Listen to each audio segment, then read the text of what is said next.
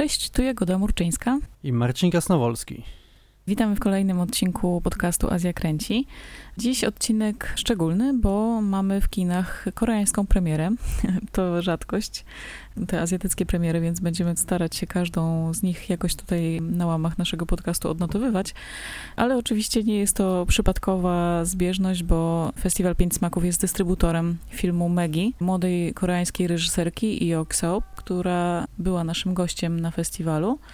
Od końca lipca Megi jest w polskich kinach. Można ją zobaczyć w kinach studyjnych w całej Polsce. Ale film ten stanie się pretekstem do nas do rozmowy o tak zwanej kobiecej nowej fali w kinie koreańskim, której reżyserka filmu jest przedstawicielką. No jest to już trzeci odcinek, który poświęcamy Korei. To znaczy, że jest o czym rozmawiać. Rzeczywiście e, Megi jest wyrazem pewnego zjawiska w nowym kinie koreańskim, czyli tego, że coraz częściej do głosu dochodzą tam reżyserki. Natomiast no, wydaje mi się, że ten film w ogóle jest tak naprawdę dosyć osobny, to znaczy oczywiście będziemy rozmawiać o filmach realizowanych przez kobiety, filmach, które sporo łączy, natomiast ja osobiście uważam, że Maggie jest filmem zupełnie zupełnie osobnym i chyba wynika to z tego, że no, reżyserka, mimo że jest debiutantką w pełnym metrażu, to ona ma bardzo silną wizję, o czym chce w kinie opowiadać i e, tą swoją wizję już potrafiła w bardzo niezwykły sposób tak naprawdę tutaj narzucić. Maggie jest filmem absolutnie wyjątkowym zarówno jeżeli chodzi o treść, a także o formę. To jest bardzo piękny i wizualnie atrakcyjny film. Rzeczywiście wizualna strona Megi zachwyca. Ten montaż taki dynamiczny, rytmiczny, bo rzeczywiście słychać tam, że twórcy inspirowali się muzyką po części elektroniczną, po części jazzową. Mówili o tym zresztą w swoich wywiadach. Ale to, o czym mówisz, to jest, wydaje mi się, bardzo dobry sygnał. Bo jeżeli mówimy o kinie kobiet w ogóle, w kinie światowym, to jest kilka takich etapów, które są charakterystyczne dla większości kinematografii, to znaczy od zupełnego braku głosu, po pierwsze pionierskie postaci, które zwykle też wywodzą się z innych branży środowiska filmowego. Zwykle te kobiety, które zabierały się za kamerę w latach 50., 60., podobnie było zresztą w Korei, przychodziły do filmu jako aktorki, jako scenarzystki. Często pochodziły po prostu z rodzin filmowych i to ułatwiało im ten start za kamerą. Drugim etapem, który też na świecie się bardzo wyraźnie pojawia, to jest taki moment, kiedy kobiety zabierają głos przede wszystkim w kinie autorskim, niezależnym, eksperymentalnym. Tam też, gdzie najłatwiej jest tak naprawdę zrobić filmy bardzo niskobudżetowe. I ten trzeci etap, który jest takim wyzwaniem, tak naprawdę ciągle jeszcze dla wielu kinematografii, to właśnie taka różnorodność. Mm. Ten moment, kiedy kobiety mogą zacząć opowiadać na szerszą skalę, kiedy mogą sięgać po większe budżety, kiedy mogą sięgać po kino gatunkowe. No i to jest chyba taki etap, na którym większość kinematografii w tej chwili się znajduje w krajach rozwiniętych, że kobiety mają problem z przebiciem się właśnie przez tą granicę, przez granicę dużego budżetu i przez granicę kina gatunkowego, kina mainstreamowego. Ale tak, no wspomniałam tutaj o początku e, i tak gwoli takiego encyklopedycznego wtrętu, no to trzeba zaznaczyć, że pierwszą kobietą reżyserką w kinie koreańskim była Park Namok i to jest dopiero rok 1955. I to była dziewczyna, która była wielką miłośniczką kina pokonała taką nietypową drogę, rzeczywiście od zera tak naprawdę. Mhm. Nie pochodziła z, ze środowiska filmowego, studiowała e, na uniwersytecie, właśnie film był jej dużą pasją. Zatrudniła się na planie jako asystentka i z pomocą znajomych, których stopniowo zdobywała właśnie pracując w takich pobocznych rolach zrealizowała swój pierwszy film. Jej mąż był scenarzystą tego filmu, no ale to była produkcja, która się mierzyła z wieloma wyzwaniami, bo ona tam na planie tak naprawdę wszystko robiła sama, włącznie z tym, że była nianią dla swojej własnej córki i gotowała ekipie, kiedy nie było pieniędzy na jedzenie. Mhm. Ten jej film Wdowa zdobył pewien rozgłos, ale no niestety przepadł, nie przyciągnął do kin tłumów i to niestety był jedyny film, który ta reżyserka wyprodukowała. Była to taka ciekawa próba pokazania tej rzeczywistości trudnej koreańskiej z lat 50. oczami kobiety, ale no właśnie, utknęła. Były jeszcze takie postaci jak Hong Eun-won, to scenarzystka z kolei, która rzeczywiście zrealizowała na początku lat 60. trzy filmy i odniosła duży sukces, ale jednak jej taką główną dziedziną działalności było scenopisarstwo. Była też na przykład Choi On-hee, to była aktorka z kolei, więc rzeczywiście ten taki schemat przechodzenia przez różne dziedziny filmu też w Korei miał miejsce. No i coś zaczęło się ruszać tak naprawdę pod koniec lat 80. i 90., kiedy w ogóle kino koreańskie przeżywało taki okres dosyć dynamicznej zmiany. No tak, i całe społeczeństwo też przeżywało e, okres dynamicznej zmiany, bo wraz z demokratyzacją państwa wydaje mi się, że kobiety zaczęły się coraz lepiej organizować. No, zacznijmy może od tego, że społeczeństwo koreańskie było w ogóle bardzo tradycyjne i pewnie cały czas jeszcze dosyć tradycyjne jest. Więc tradycyjnie miejsce kobiety jest raczej przy dzieciach, a nie na planie filmowym. No właśnie, ale porozmawiamy w ogóle o sytuacji kobiet w Korei, bo to jest ciekawy temat i wydaje się dosyć bliski tak naprawdę doświadczeniom polskim, bo także w Korei taki ideał kobiety przypisanej do, do domu, do rodziny funkcjonował. Rzeczywiście przez całe wieki kobiety miały bardzo utrudniony dostęp do edukacji, były traktowane też jako obywatelki drugiej kategorii. W Korei system feudalny był taki strasznie ścisły, tam bardzo ciężko było przekroczyć te granice warstw społecznych. E, nie wchodząc tutaj już w socjologiczne e, szczegóły, ale jeżeli jest taka płynność między tymi warstwami, to kobiety często mogą wyjść ze swojej klasy społecznej przez małżeństwo i dzięki temu też zyskują mocniejszą pozycję w społeczeństwie. Tutaj praktycznie nie było takiej możliwości, więc ta pozycja była naprawdę bardzo ciężka.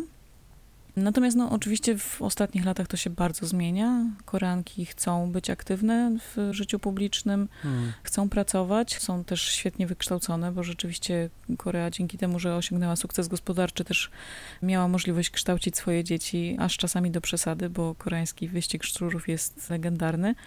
Natomiast no, dużym problemem jest to, że kobiety, mimo tego, że są bardzo aktywne na rynku pracy, to mają utrudniony dostęp do stanowisk zarządzających. Jeszcze parę lat temu badania pokazywały, że kobiety zajmują naprawdę 2% bodajże miejsc dyrektorskich i, i menedżerskich stanowiskach.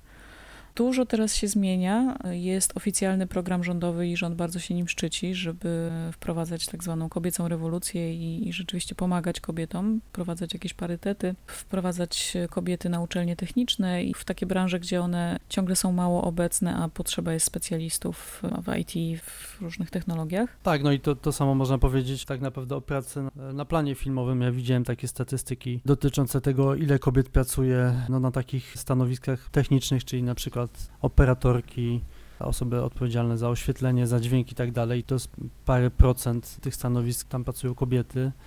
To się tłumaczy tym, że kiedyś ten sprzęt, który trzeba było dźwigać, był ciężki i to lepiej wychodziło mężczyznom, natomiast teraz oczywiście wraz no, z cyfryzacją te sprzęty już dawno są lekkie i nic nie stoi na przeszkodzie temu, żeby to kobiety właśnie za te aspekty pracy na planie filmowym odpowiadały więc tutaj cały czas jest jeszcze duże pole do rewolucji, ale tak jak wspomniałeś, wygląda na to, że ta kobieca rewolucja obejmie także branżę filmową, bo są plany tego, żeby wyrównać ilość tych stanowisk mniej więcej, żeby to było 50-50. Jest mimo wszystko taki promyczek światła w tym wszystkim, bo Korea ma ciekawe wyniki w niektórych branżach. Za chwilę do tego wrócimy, ale jedną z takich przestrzeni, gdzie kobiety mają duży głos, to jest branża producencka. Mhm. Tam rzeczywiście kilka kobiet naprawdę zrewolucjonizowało koreańskie kino e, w latach 2000 i do dzisiaj ta, ta ich pasa dobrze trwa. I K-dramy, to taki popularny produkt, także eksportowy koreański i rzeczywiście okazuje się, że prawie 90% scenarzystów to właśnie kobiety. Co też ma pewien wpływ na, na to, jak kształtują się fabuły i jak przedstawiane są kobiety w tych serialach ale do tego jeszcze pewnie za chwileczkę wrócimy. Natomiast no też e, o co się toczy stawka? O to, żeby tych kobiet w filmie i bohaterek kobiecych i opowieści z perspektywy kobiet było jak najwięcej, bo jest to połowa społeczeństwa, więc warto znać perspektywę i, i problemy, z jaką się e, mierzą kobiety w społeczeństwie koreańskim, a jest tych problemów sporo. I one w ostatnich latach zaczynają być coraz mocniej nagłaśniane. No tak jak już mówiliśmy, Korea jest społeczeństwem jednak bardzo konserwatywnym, bo tutaj na takie konfucjańskie, bardzo takie ostre wartości związane właśnie z przypisaniem kobiety do miejsca w tej przestrzeni prywatnej i w domu przy mężu. Takie ideały właśnie mądrej żony, dobrej matki, które obowiązują też w Japonii. Taki ideał kobiety, która jest posłuszna mężowi, popiera go na każdym możliwym e, polu. W Korei nakłada się na to jeszcze etyka chrześcijańska, bo przypomnijmy, że chrześcijaństwo jest jedną z największych koreańskich religii, choć już w tej chwili ponad 50% społeczeństwa określa się jako ateistyczne, więc też ten wpływ pewnie jest coraz mniejszy, ale no nadal obecny. Natomiast takim dużym polem, na którym kobiety koreańskie mają problemy, to jest sfera molestowania seksualnego, sfera związana mm. z wyglądem i z taką presją dobrego wyglądu. Kilka takich dużych ruchów społecznych w ostatnich latach narosło wokół tego tematu. No i po pierwsze, jak, jak pewnie wielu naszych słuchaczy wie, ruch feministyczny koreański zajmował się bardzo i zajmuje się zresztą do tej pory kwestią wykorzystywania kobiet w czasie II wojny światowej przez Japończyków i ta kwestia seksualnego niewolnictwa to była z jednej strony walka e, o uznanie tego faktu przez japoński rząd i jakieś mhm. zadośćuczynienie ofiarom, ale też przywrócenie godności tym ofiarom i tym kobietom, które ucierpiały, a które mierzyły się z takim betonem i z takim tabu koreańskiego społeczeństwa. Nie mówiło się o tych sprawach, nie było e, dobrze o tym rozmawiać i przyznawać się do tego doświadczenia. A w ostatnich latach jeszcze dwa takie duże zjawiska to wydarzyło się takie słynne morderstwo na stacji Gangam w 2016 roku, kiedy to sfrustrowany mężczyzna zamordował kobietę, obcą sobie tak naprawdę, która pracowała z nim w jednym miejscu pracy i jak on twierdził, nie zwracała na niego uwagi i to było tylko powodem do tego, żeby ją zabić.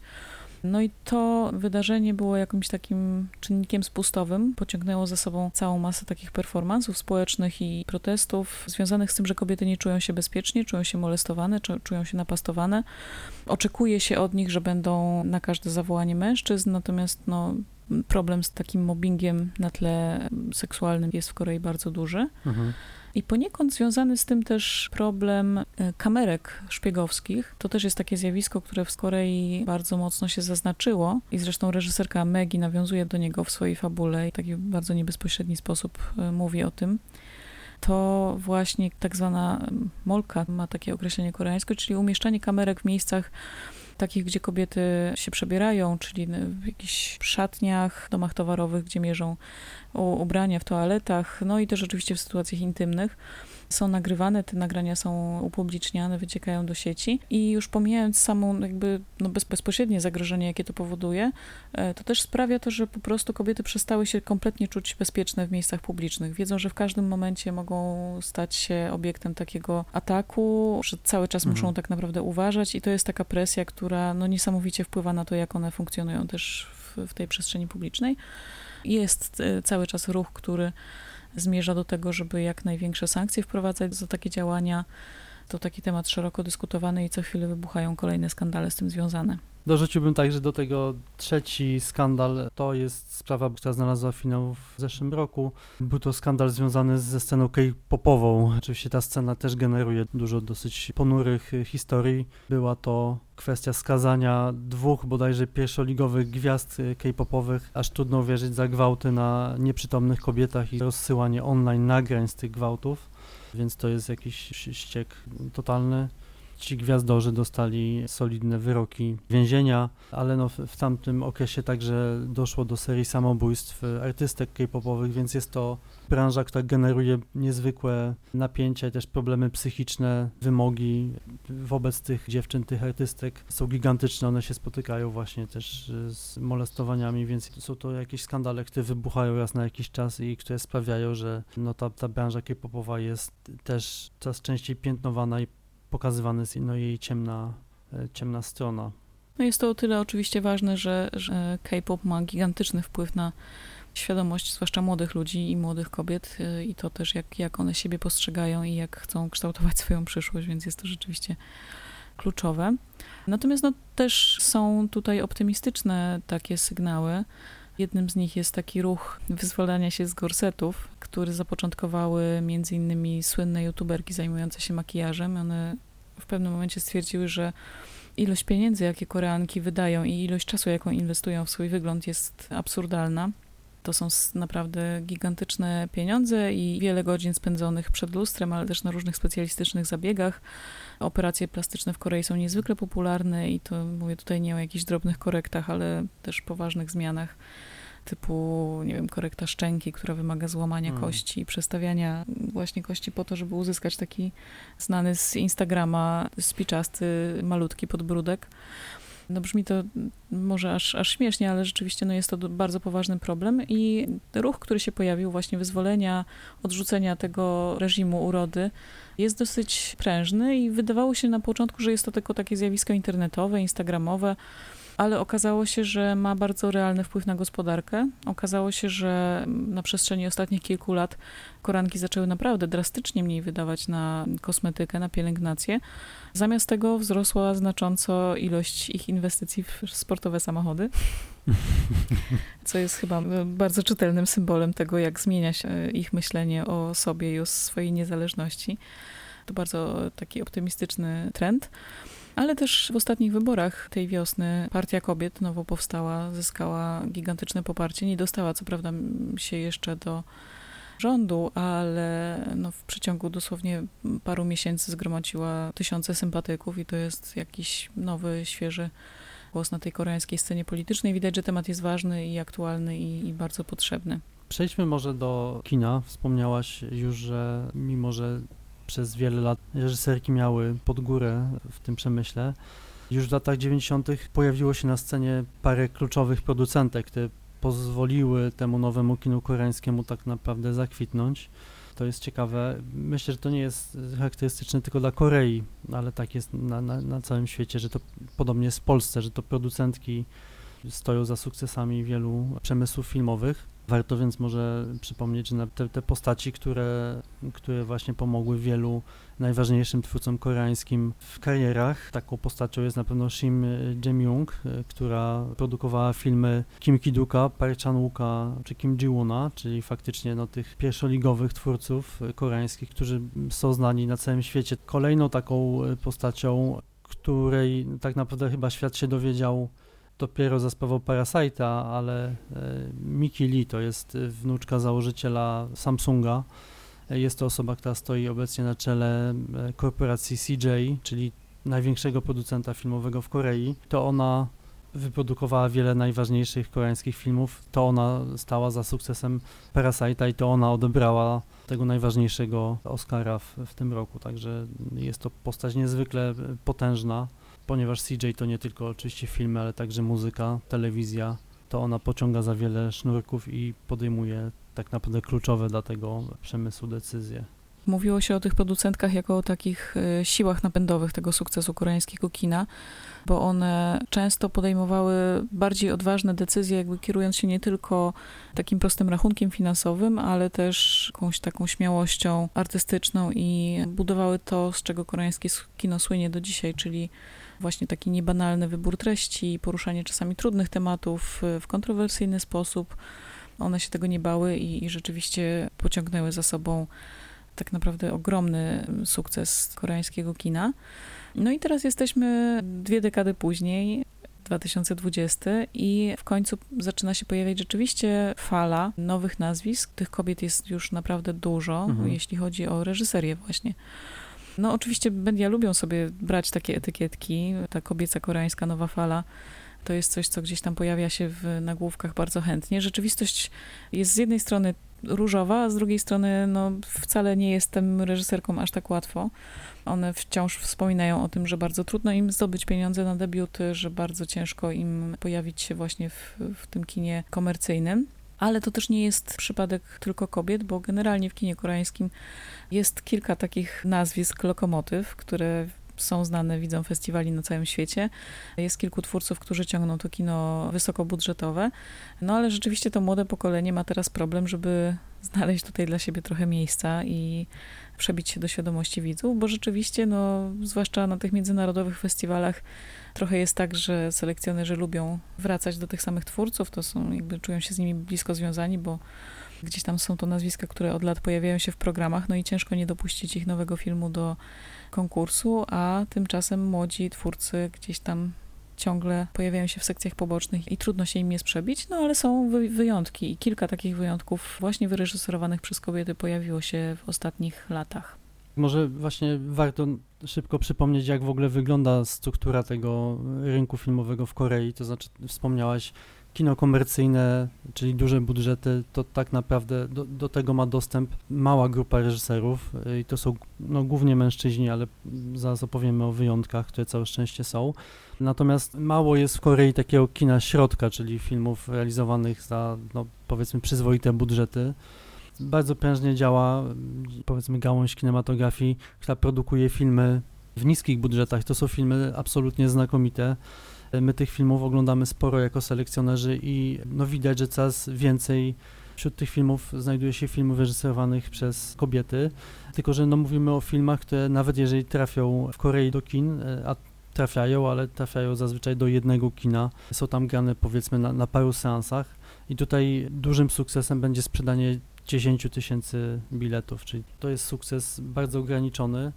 I tak jak wspomniałaś, no, jakimś wyjściem byłyby światowe festiwale i pokazywanie się tam. No tylko to nie jest oczywiście łatwe, bo tych filmów z Korei wychodzi bardzo dużo. Selekcjonerzy rzeczywiście wolą reżyserów, których już znają. Trochę jest chyba też tak, tak mi się wydaje i taka będzie przyszłość tego kina, że mimo sukcesu Parasite'a i bardzo dużej ekspozycji tego przemysłu koreańskiego e, obecnie na całym świecie, no to kino przeżywa trochę kryzys, to znaczy jest to kryzys, który został przykryty sukcesem Parasite'a, ale widać pewne znużenie tej branży, brak świeżych pomysłów i tak się dzieje w Korei co parę lat i wydaje mi się, że w tym momencie odpowiedzią na ten kryzys może być właśnie kino realizowane przez reżyserki, czyli jakiś napływ świeżych pomysłów, e, nowe spojrzenie i widać, że potrzeba takiego odnowienia jest zdecydowanie i tutaj wydaje mi się, że dowodem na to jest film, e, który jest debiutem, film Kim Ji-young, Born 1982. Jest to debiut reżyserki Kim Do-young. Jest to film przełomowy, ponieważ no jest to ekranizacja książki z 2016 roku. Książki fikcyjnej, natomiast napisanej z doświadczenia autorki. Ona sama mówi o, o tej książce, że w pewnym sensie jest to jej autobiografia. Jest to książka, która po premierze, tak jak wspomniałem, w 2016 roku spotkała się z niezwykle żywiołowym e, przyjęciem koranek, e, głównie koranek, które bardzo szybko wypromowały tą pozycję w mediach społecznościowych. Książka sprzedała się w nakładzie ponad miliona egzemplarzy. Była ona bardzo szeroko komentowana także przez najważniejszych polityków kraju. Ekranizacja tej książki powstała szybko. No i jest to historia kobiety, której kariera zawodowa rozwijała się bardzo dobrze do momentu, kiedy nie urodziła mm, córeczki i musiała z nią, zostać z nią w domu, co doprowadziło do no, ciężkiej depresji, tak naprawdę choroby psychicznej. Ten film pokazuje, że ona stara się wrócić do, do równowagi no, wewnętrznej, ale także do pracy i stara się w jakiś sposób przywrócić swoją karierę, ale jest to bardzo trudne, no z jednej strony dlatego, że logistycznie nie może połączyć pracy z opieką nad, nad dzieckiem, a z drugiej strony kompletnie początkowo nie ma zrozumienia ze strony otoczenia. E, tutaj no, taką osobą, która ją wspiera jest jej mąż, całe szczęście, natomiast już na przykład jej teściowa, teść kompletnie nie rozumieją jej potrzeb i, i widzą jej miejsce tylko w, w, domu jako wsparcie dla, dla jej męża, który także robi karierę. No jest to film, który także w jakiś sposób rymuje się z, z Megi, ponieważ on także mm, pokazuje ten problem kamerek, o których wspomniałaś, które są tutaj w tym filmie instalowane w, w toaletach korporacji, e, w której pracuje bohaterka. No i cóż, i film stał się wielkim, wielkim przebojem. Został obejrzany bodajże przez 4 miliony e, widzów, e, co pokazuje, że no, jest duża potrzeba opowiadania takiej historii. To jest bardzo, bardzo ładny i subtelny film. I co jest ciekawe, no on został zrealizowany jako film mainstreamowy, to znaczy aktorzy, którzy w nim występują, są dużymi gwiazdami. Widać, że, że budżet był bardzo przyzwoity, więc jest to, jest to film, można powiedzieć, melodramat mainstreamowy, ale film, który porusza bardzo ważny problem, no i cieszy to, że został tak dobrze przyjęty, bo oczywiście dobry wynik finansowy sprawi, że i reżyserka będzie mogła dalej w branży pracować i także prawdopodobnie pojawi się więcej filmów skupionych na, na problemach koranek. No właśnie, dobrze przyjęty jak dobrze przyjęty, bo on rzeczywiście wywołał falę dyskusji, ale też powstało takie zjawisko typowe dla dzisiejszej rzeczywistości, to znaczy film ma takie bardzo średnie oceny na wielu portalach rankingowych, co wynika z tego, że część koreańskich mężczyzn, takich nastawionych bardzo antyfeministycznie, powstał taki ruch właśnie dawania mm. jednej gwiazdki co pokazuje też tym bardziej, że takie głosy, mimo tego, że wydaje się, że to nie jest nic takiego przewrotowego, no jakby relacje młodych matek i, i to, jak e, wygląda sytuacja kobiet przywiązanych do domu, to jest temat, z którym kino gdzieś tam się boryka już od jakiegoś czasu. No ale okazało się że rzeczywiście, ponieważ on trafił do takiej szerokiej widowni, nie tylko w zamkniętym arthouse'ie, to wywołał ogromną kontrowersję i, i stał się przedmiotem też ataków jakieś anegdotyczne oczywiście artykuły prasowe piszą o mężczyznach, którzy właśnie rozstają się z kobietami tylko dlatego, że chciały ich zabrać właśnie na ten film.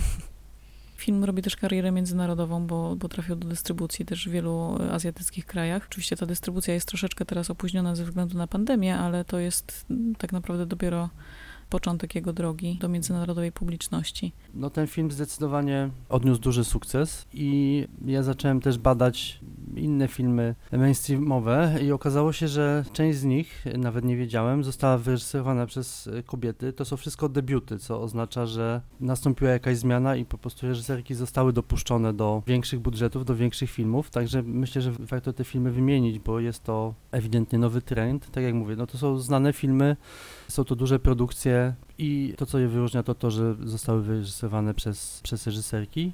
Tutaj myślę o takich filmach jak na przykład Malmo The Secret Mission z zeszłego roku i jest to debiut reżyserski pani Eom Juny. Eom Juna pracowała, była obecna na, na planie filmowym debiutu na Hongjina, czyli przy Chaserze, a potem napisała scenariusz do taksówkarza czyli do tego wielkiego, wielkiego hitu o masakrze w Guangzhou z Songiem Kang-ho w roli głównej, no to był film, który obejrzało kilkanaście milionów ludzi i był to bardzo ważny film dla Koreańczyków. Myślę, że no to, to był świetny scenariusz też, to jest rzeczywiście świetna robota, taka z jednej strony film, który jest przeznaczony dla, dla widza masowego, a z drugiej strony jest to film, który porusza bardzo trudny temat. No tam są te, te sceny, w których wojsko koreańskie strzela do swoich obywateli i ich morduje na ulicy. To, to są mocne obrazy.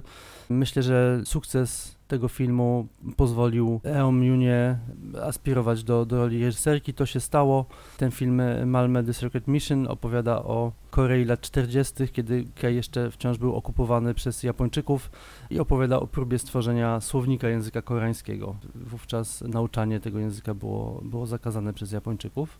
Kolejnym filmem wyreżyserowanym przez kobietę jest film Money, czyli Pieniądze, jest to debiut reżyserski Park Nori. Znowu jest to mainstreamowy film, można powiedzieć takie koreańskie Wall Street, film opowiadający o świecie dużych pieniędzy historia młodego człowieka, który w ten świat wchodzi i no, ma możliwość szybkiego wzbogacenia się, to nie wszystko idzie tak, jak on planuje. To jest taki thriller zrealizowany też w szybkim tempie, ciekawa, ciekawa historia.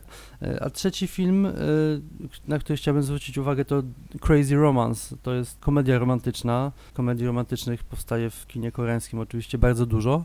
Ta jest dosyć nietypowa dlatego że no, bohaterami tego filmu nie są piękni młodzi ludzie, tylko już bohaterowie trochę starsi, można powiedzieć, ale to nawet nie o to chodzi. Chodzi o to, że oni są mocno wypaleni życiowo, są po jakichś nieudanych związkach, są pełni wad tak naprawdę i ma, mają swoje problemy. I to jest znowu debiut Kim Hang-yeol, także Casey Romance też, też polecam. On zdaje się jest dostępny na Netflixie.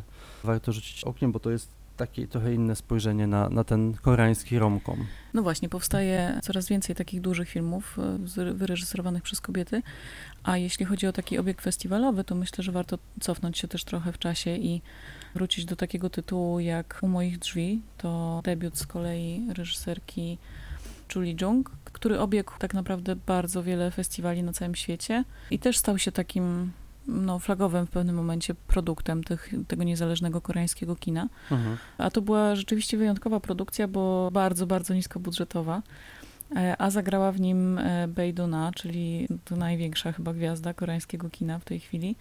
Ona zgodziła się zagrać tam bez wynagrodzenia i to jest taka dosyć mroczna historia, bardzo liryczna, ale też okrutna o policjantce, która trafia na prowincję i tam angażuje się w różne lokalne sprawy. Odkrywa przypadek dziewczynki, która jest dręczona przez, przez swoją rodzinę, i ta policjantka postanawia jej jakoś pomóc, chociaż nie ma tak naprawdę do tego za bardzo środków. Krytycy porównywali ten film z serialem Top of the Lake i rzeczywiście jest tutaj trochę podobna atmosfera i też właśnie pokazana perspektywa kobiety, która musi sobie radzić w męskim środowisku, ale właśnie jeszcze dodatkowo w takim małomiasteczkowym kontekście, co jest, co jest bardzo ciekawe. No rzeczywiście był to film, który trafił na, do, do widowni na całym świecie. No niestety ciągle jeszcze czekamy na kolejny film reżyserki. No to był 2014 rok, więc mam nadzieję, że już wkrótce coś od niej usłyszymy. W tym przypadku warto podkreślić, że ten film był wyprodukowany przez Lee Chang-donga i myślę, że też no i pierwsze jego kino mocno wpłynęło na Julie Jung, e, na, po drugie to też jest dosyć charakterystyczne, że jego nazwisko na pewno pomogło w ogóle postawić tą produkcję. I podobnie jest zresztą w przypadku następnego filmu, o którym e, chcielibyśmy wspomnieć, e, czyli o The Truth Beneath, to jest z kolei film, to nie jest akurat debiut, to jest film Lee Kyung-mi. I jest to film, który był no, scenariusz powstał przy udziale Park Chan-wooka, a także był współprodukowany przez Park Chan-wooka. I The Truth Beneath jest y, filmem bardzo ciekawym, ponieważ y, no, z tych wszystkich filmów, o których tutaj mówimy, jest, no, jest filmem gatunkowym, jest filmem bardzo mocnym, jest thrillerem. Dla mnie Truth Beneath najbliżej, gdybym miał szukać jakichś podobieństw, najbliżej mu jest ostatni film Tetsui Nakashima, czyli y, myślę tutaj o Kanako czy Confessions. To jest ten poziom, powiedzmy, te, te podobne obrazowanie świata, który okazuje się być bardzo mroczny i bardzo wrogi. To przykład ciekawy jest to, e, tak jak wspomniałem, jest to thriller, jest to historia małżeństwa, które ma e, nastoletnią córkę. Głowa rodziny startuje w, w, wyborach, jest to środek kampanii wyborczej, jest to oczywiście moment kluczowy dla jego kariery politycznej i w pewnym momencie okazuje się, że ta kilkunastoletnia córka po prostu znika, zapada się jak kamień w wodę co, co jest no, dramatem dla rodziny, ale także jest tutaj cały czas te wybory się toczą i no, ojciec dziewczyny musi podjąć decyzję, czy rezygnuje ze startu w wyborach, czy koncentruje się bardziej na poszukiwaniach córki, czy ciągnie tą kampanię. Śledztwo jest oczywiście prowadzone przez, przez policję, to jest taka sprawa ważna, ale najbardziej zdeterminowana do znalezienia dziecka jest oczywiście jej matka. I no to, co ona odkrywa, to jest takie schodzenie, można powiedzieć, do, do coraz bardziej mrocznego świata. Ona odkrywa prawdę no, o społeczności, w której żyje, o swojej rodzinie. I to wszystko jest sfilmowane absolutnie niesamowicie. Ten film ma piękne zdjęcia, wizualnie jest bardzo, bardzo efektowny. Jest to film znakomity, który zdecydowanie zasługuje na, na większą uwagę, której niestety z jakiegoś powodu nie dostał. To znaczy on, on się spotkał z bardzo dobrym przyjęciem krytyków i w Korei, i na całym świecie. Dostał tam sporo nagród y, w Korei, natomiast widzowie z jakiegoś powodu ten film odrzucili i podobnie było zresztą z światowymi festiwalami. On jakoś, jakoś po tych festiwalach nie, nie krążył z taką intensywnością, e, z jaką powinien co jest dziwne, co jest przykre, bo, bo gdyby został wyreżyserowany, przypuszczam, w Stanach Zjednoczonych, to, to byłby już klasyką gatunku. I e, no, tutaj podobna sytuacja jak z Egger My Door, to znaczy Lee Kyung-mi od tego czasu, od 2016 roku nie zrealizowała następnego filmu. I można, można się domyślić, że to ma związek z tym, że The Truth Beneath no, nie odniosło takiego sukcesu, jaki powinno odnieść. Właśnie, rzeczywiście to jest fen fenomenalny, mroczny i taki no, pozostawiający naprawdę niezatarty ślad w pamięci film. A też doskonały przykład, podobnie jak te filmy mainstreamowe, o których mówiłeś wcześniej, że producenci e, chętniej zatrudniają kobiety do takich produkcji, które niekoniecznie są takim typowym kinem kobiet to znaczy nie, nie koncentrują się wyłącznie na, na tematyce takiej społecznej, obyczajowej, melodramatycznej, hmm. tylko rzeczywiście są po prostu właśnie kinem gatunkowym i to, że wyreżyserowała je akurat kobieta, na pewno ma wpływ na treść i na sposób przedstawiania bohaterek przede wszystkim, ale nie jest tutaj jakimś takim pierwszoplanowym elementem i, i nie jest to też kino, które w założeniu ma trafić do wąskiego sektora, tylko rzeczywiście jest stworzone po prostu dla szerokiej widowni ale no tak, właśnie zabrakło trochę tego sukcesu festiwalowego. Rzadkim przykładem właśnie kobiety, która trafiła też do tej pierwszoligowej sekcji festiwalowej, i była Shin Suwon. E, ona wyreżyserowała Madonnę. To był jej kolejny film po też dwóch świetnych fabułach Passerby i Pluto. To one też się pojawiły zresztą na, na Pluto dostał na e, wyróżnienie na e, Berlinale w 2013, a Madonna w 2016 trafiła do Cannes. To był taki przykład, że nie tylko, jakby już pomijając to, że, że była to reżyserka, ale też po prostu ktoś z nieco młodszego pokolenia e, przebił się przez ten zasieki ustawione przez tam Lee Chang-donga, Park Chan-wooka i Kim Ki-duka i, i udało się jej gdzieś tam zaistnieć.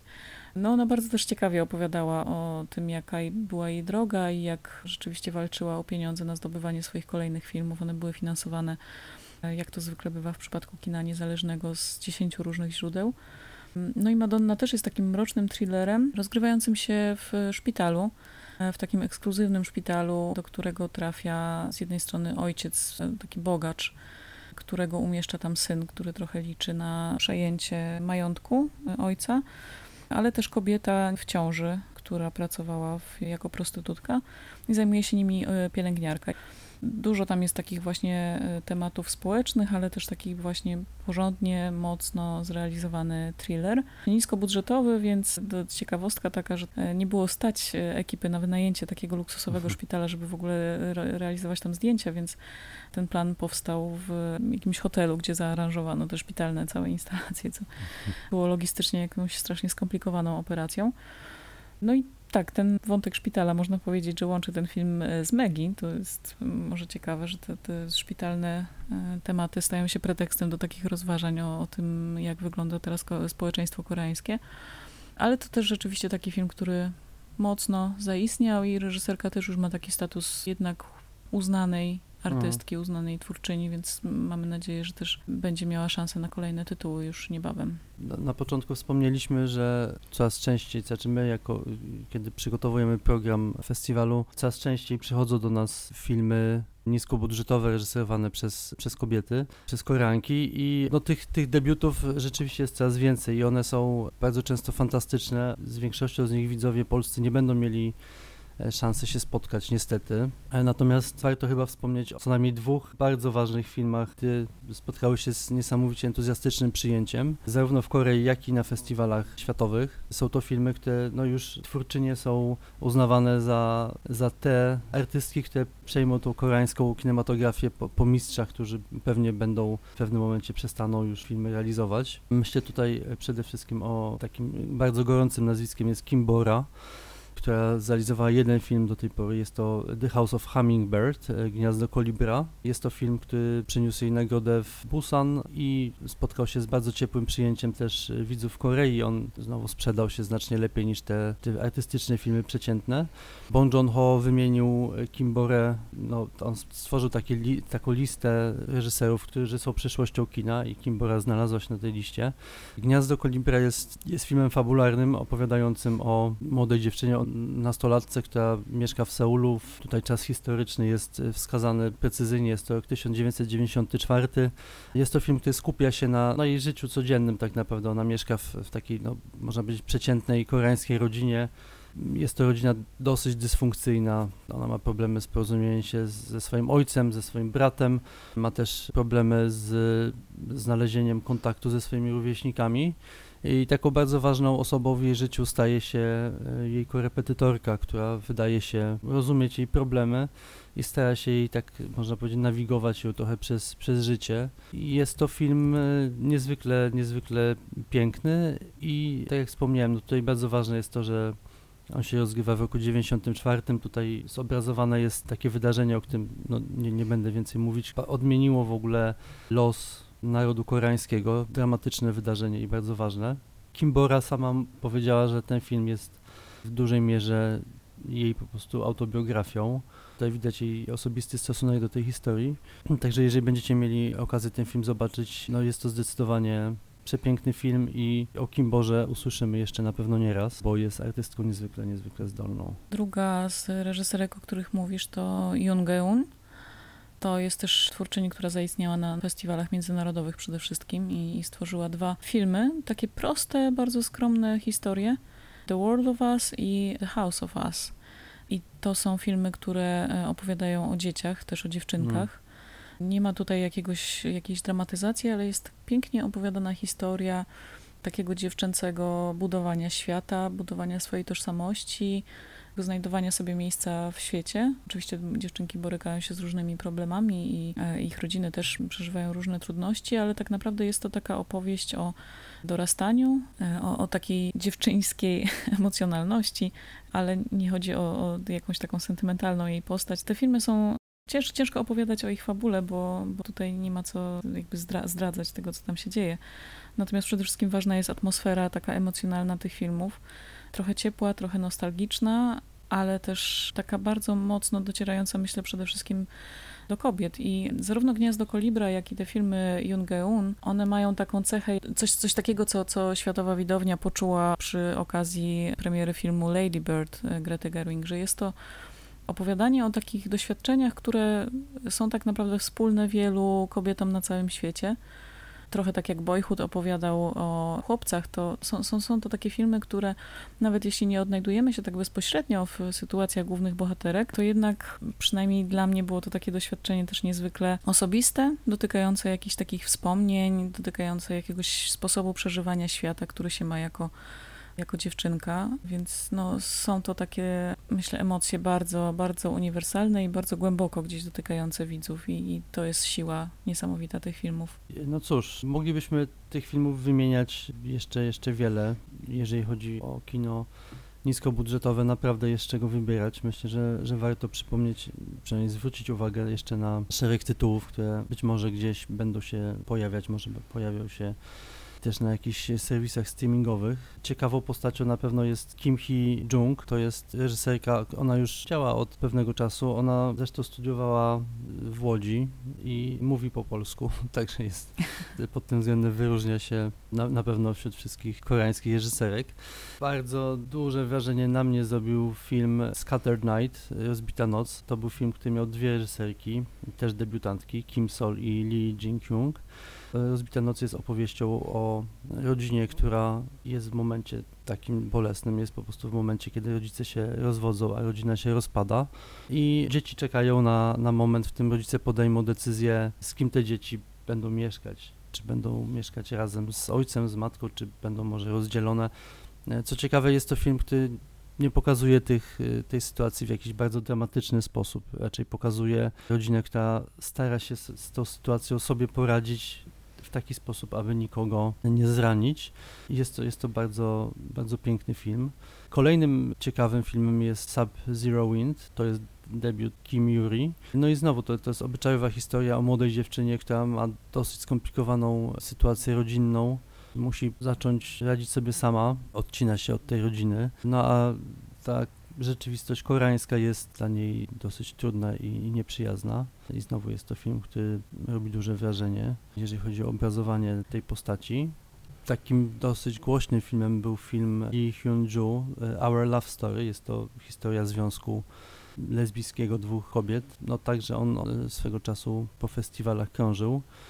I takie filmy może trochę nietypowe, znaczy na pewno warto wspomnieć film Mikrohabitat John Goun, to też jej debiut, który jest mało znany, ale on się zdecydowanie wyróżniał, jeżeli chodzi o też o, o fabułę, też o stronę wizualną, widać tutaj duży talent i miejmy nadzieję, że reżyserka będzie miała okazję kolejne filmy robić. Tych filmów na pewno jest znacznie, znacznie więcej. Mam dużą nadzieję, że faktycznie będzie tak, że jeżeli ten kryzys kina koreańskiego będzie się e, pogłębiać w najbliższym czasie, to że to właśnie no, te reżyserki, o których częściej wspomnieliśmy, że to one wyprowadzą tą kinematografię znowu na, na szczyt popularności. No właśnie, bo to jest też tak, że takie kryzysowe momenty to jest też dobry, dobry czas na takie przeformatowanie szeregów twórców i dopuszczenie do głosu młodych osób, które wnoszą właśnie jakieś nowe też spojrzenie na tematy, które były gdzieś już podejmowane, ale, ale one to robią w innej, z innej perspektywy.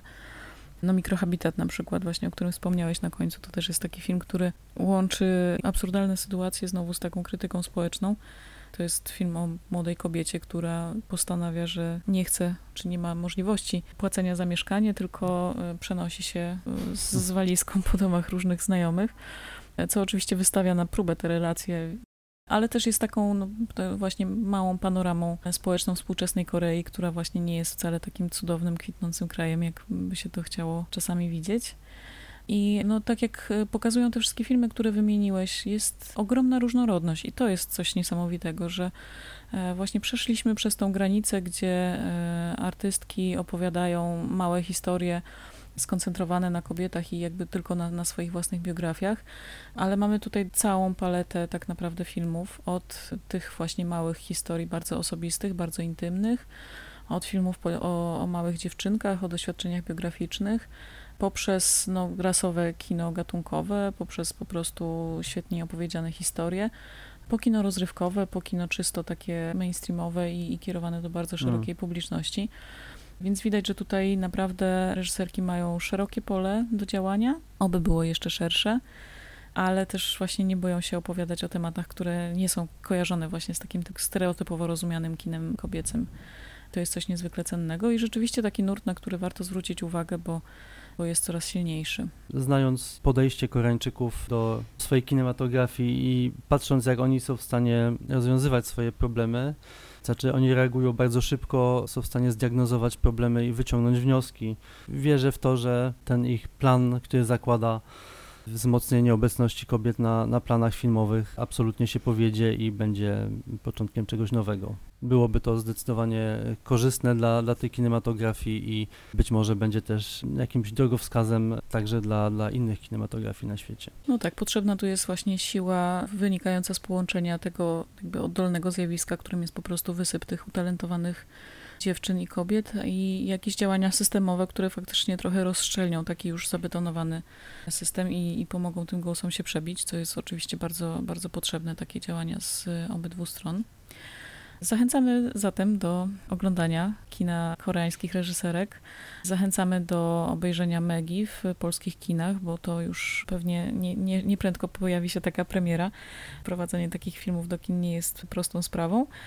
No ale mam nadzieję, że to nie, nie będzie nasz ostatni głos w temacie i kino reżyserek na pewno pojawi się też na, na Festiwalu Pięciu Smaków w tym roku.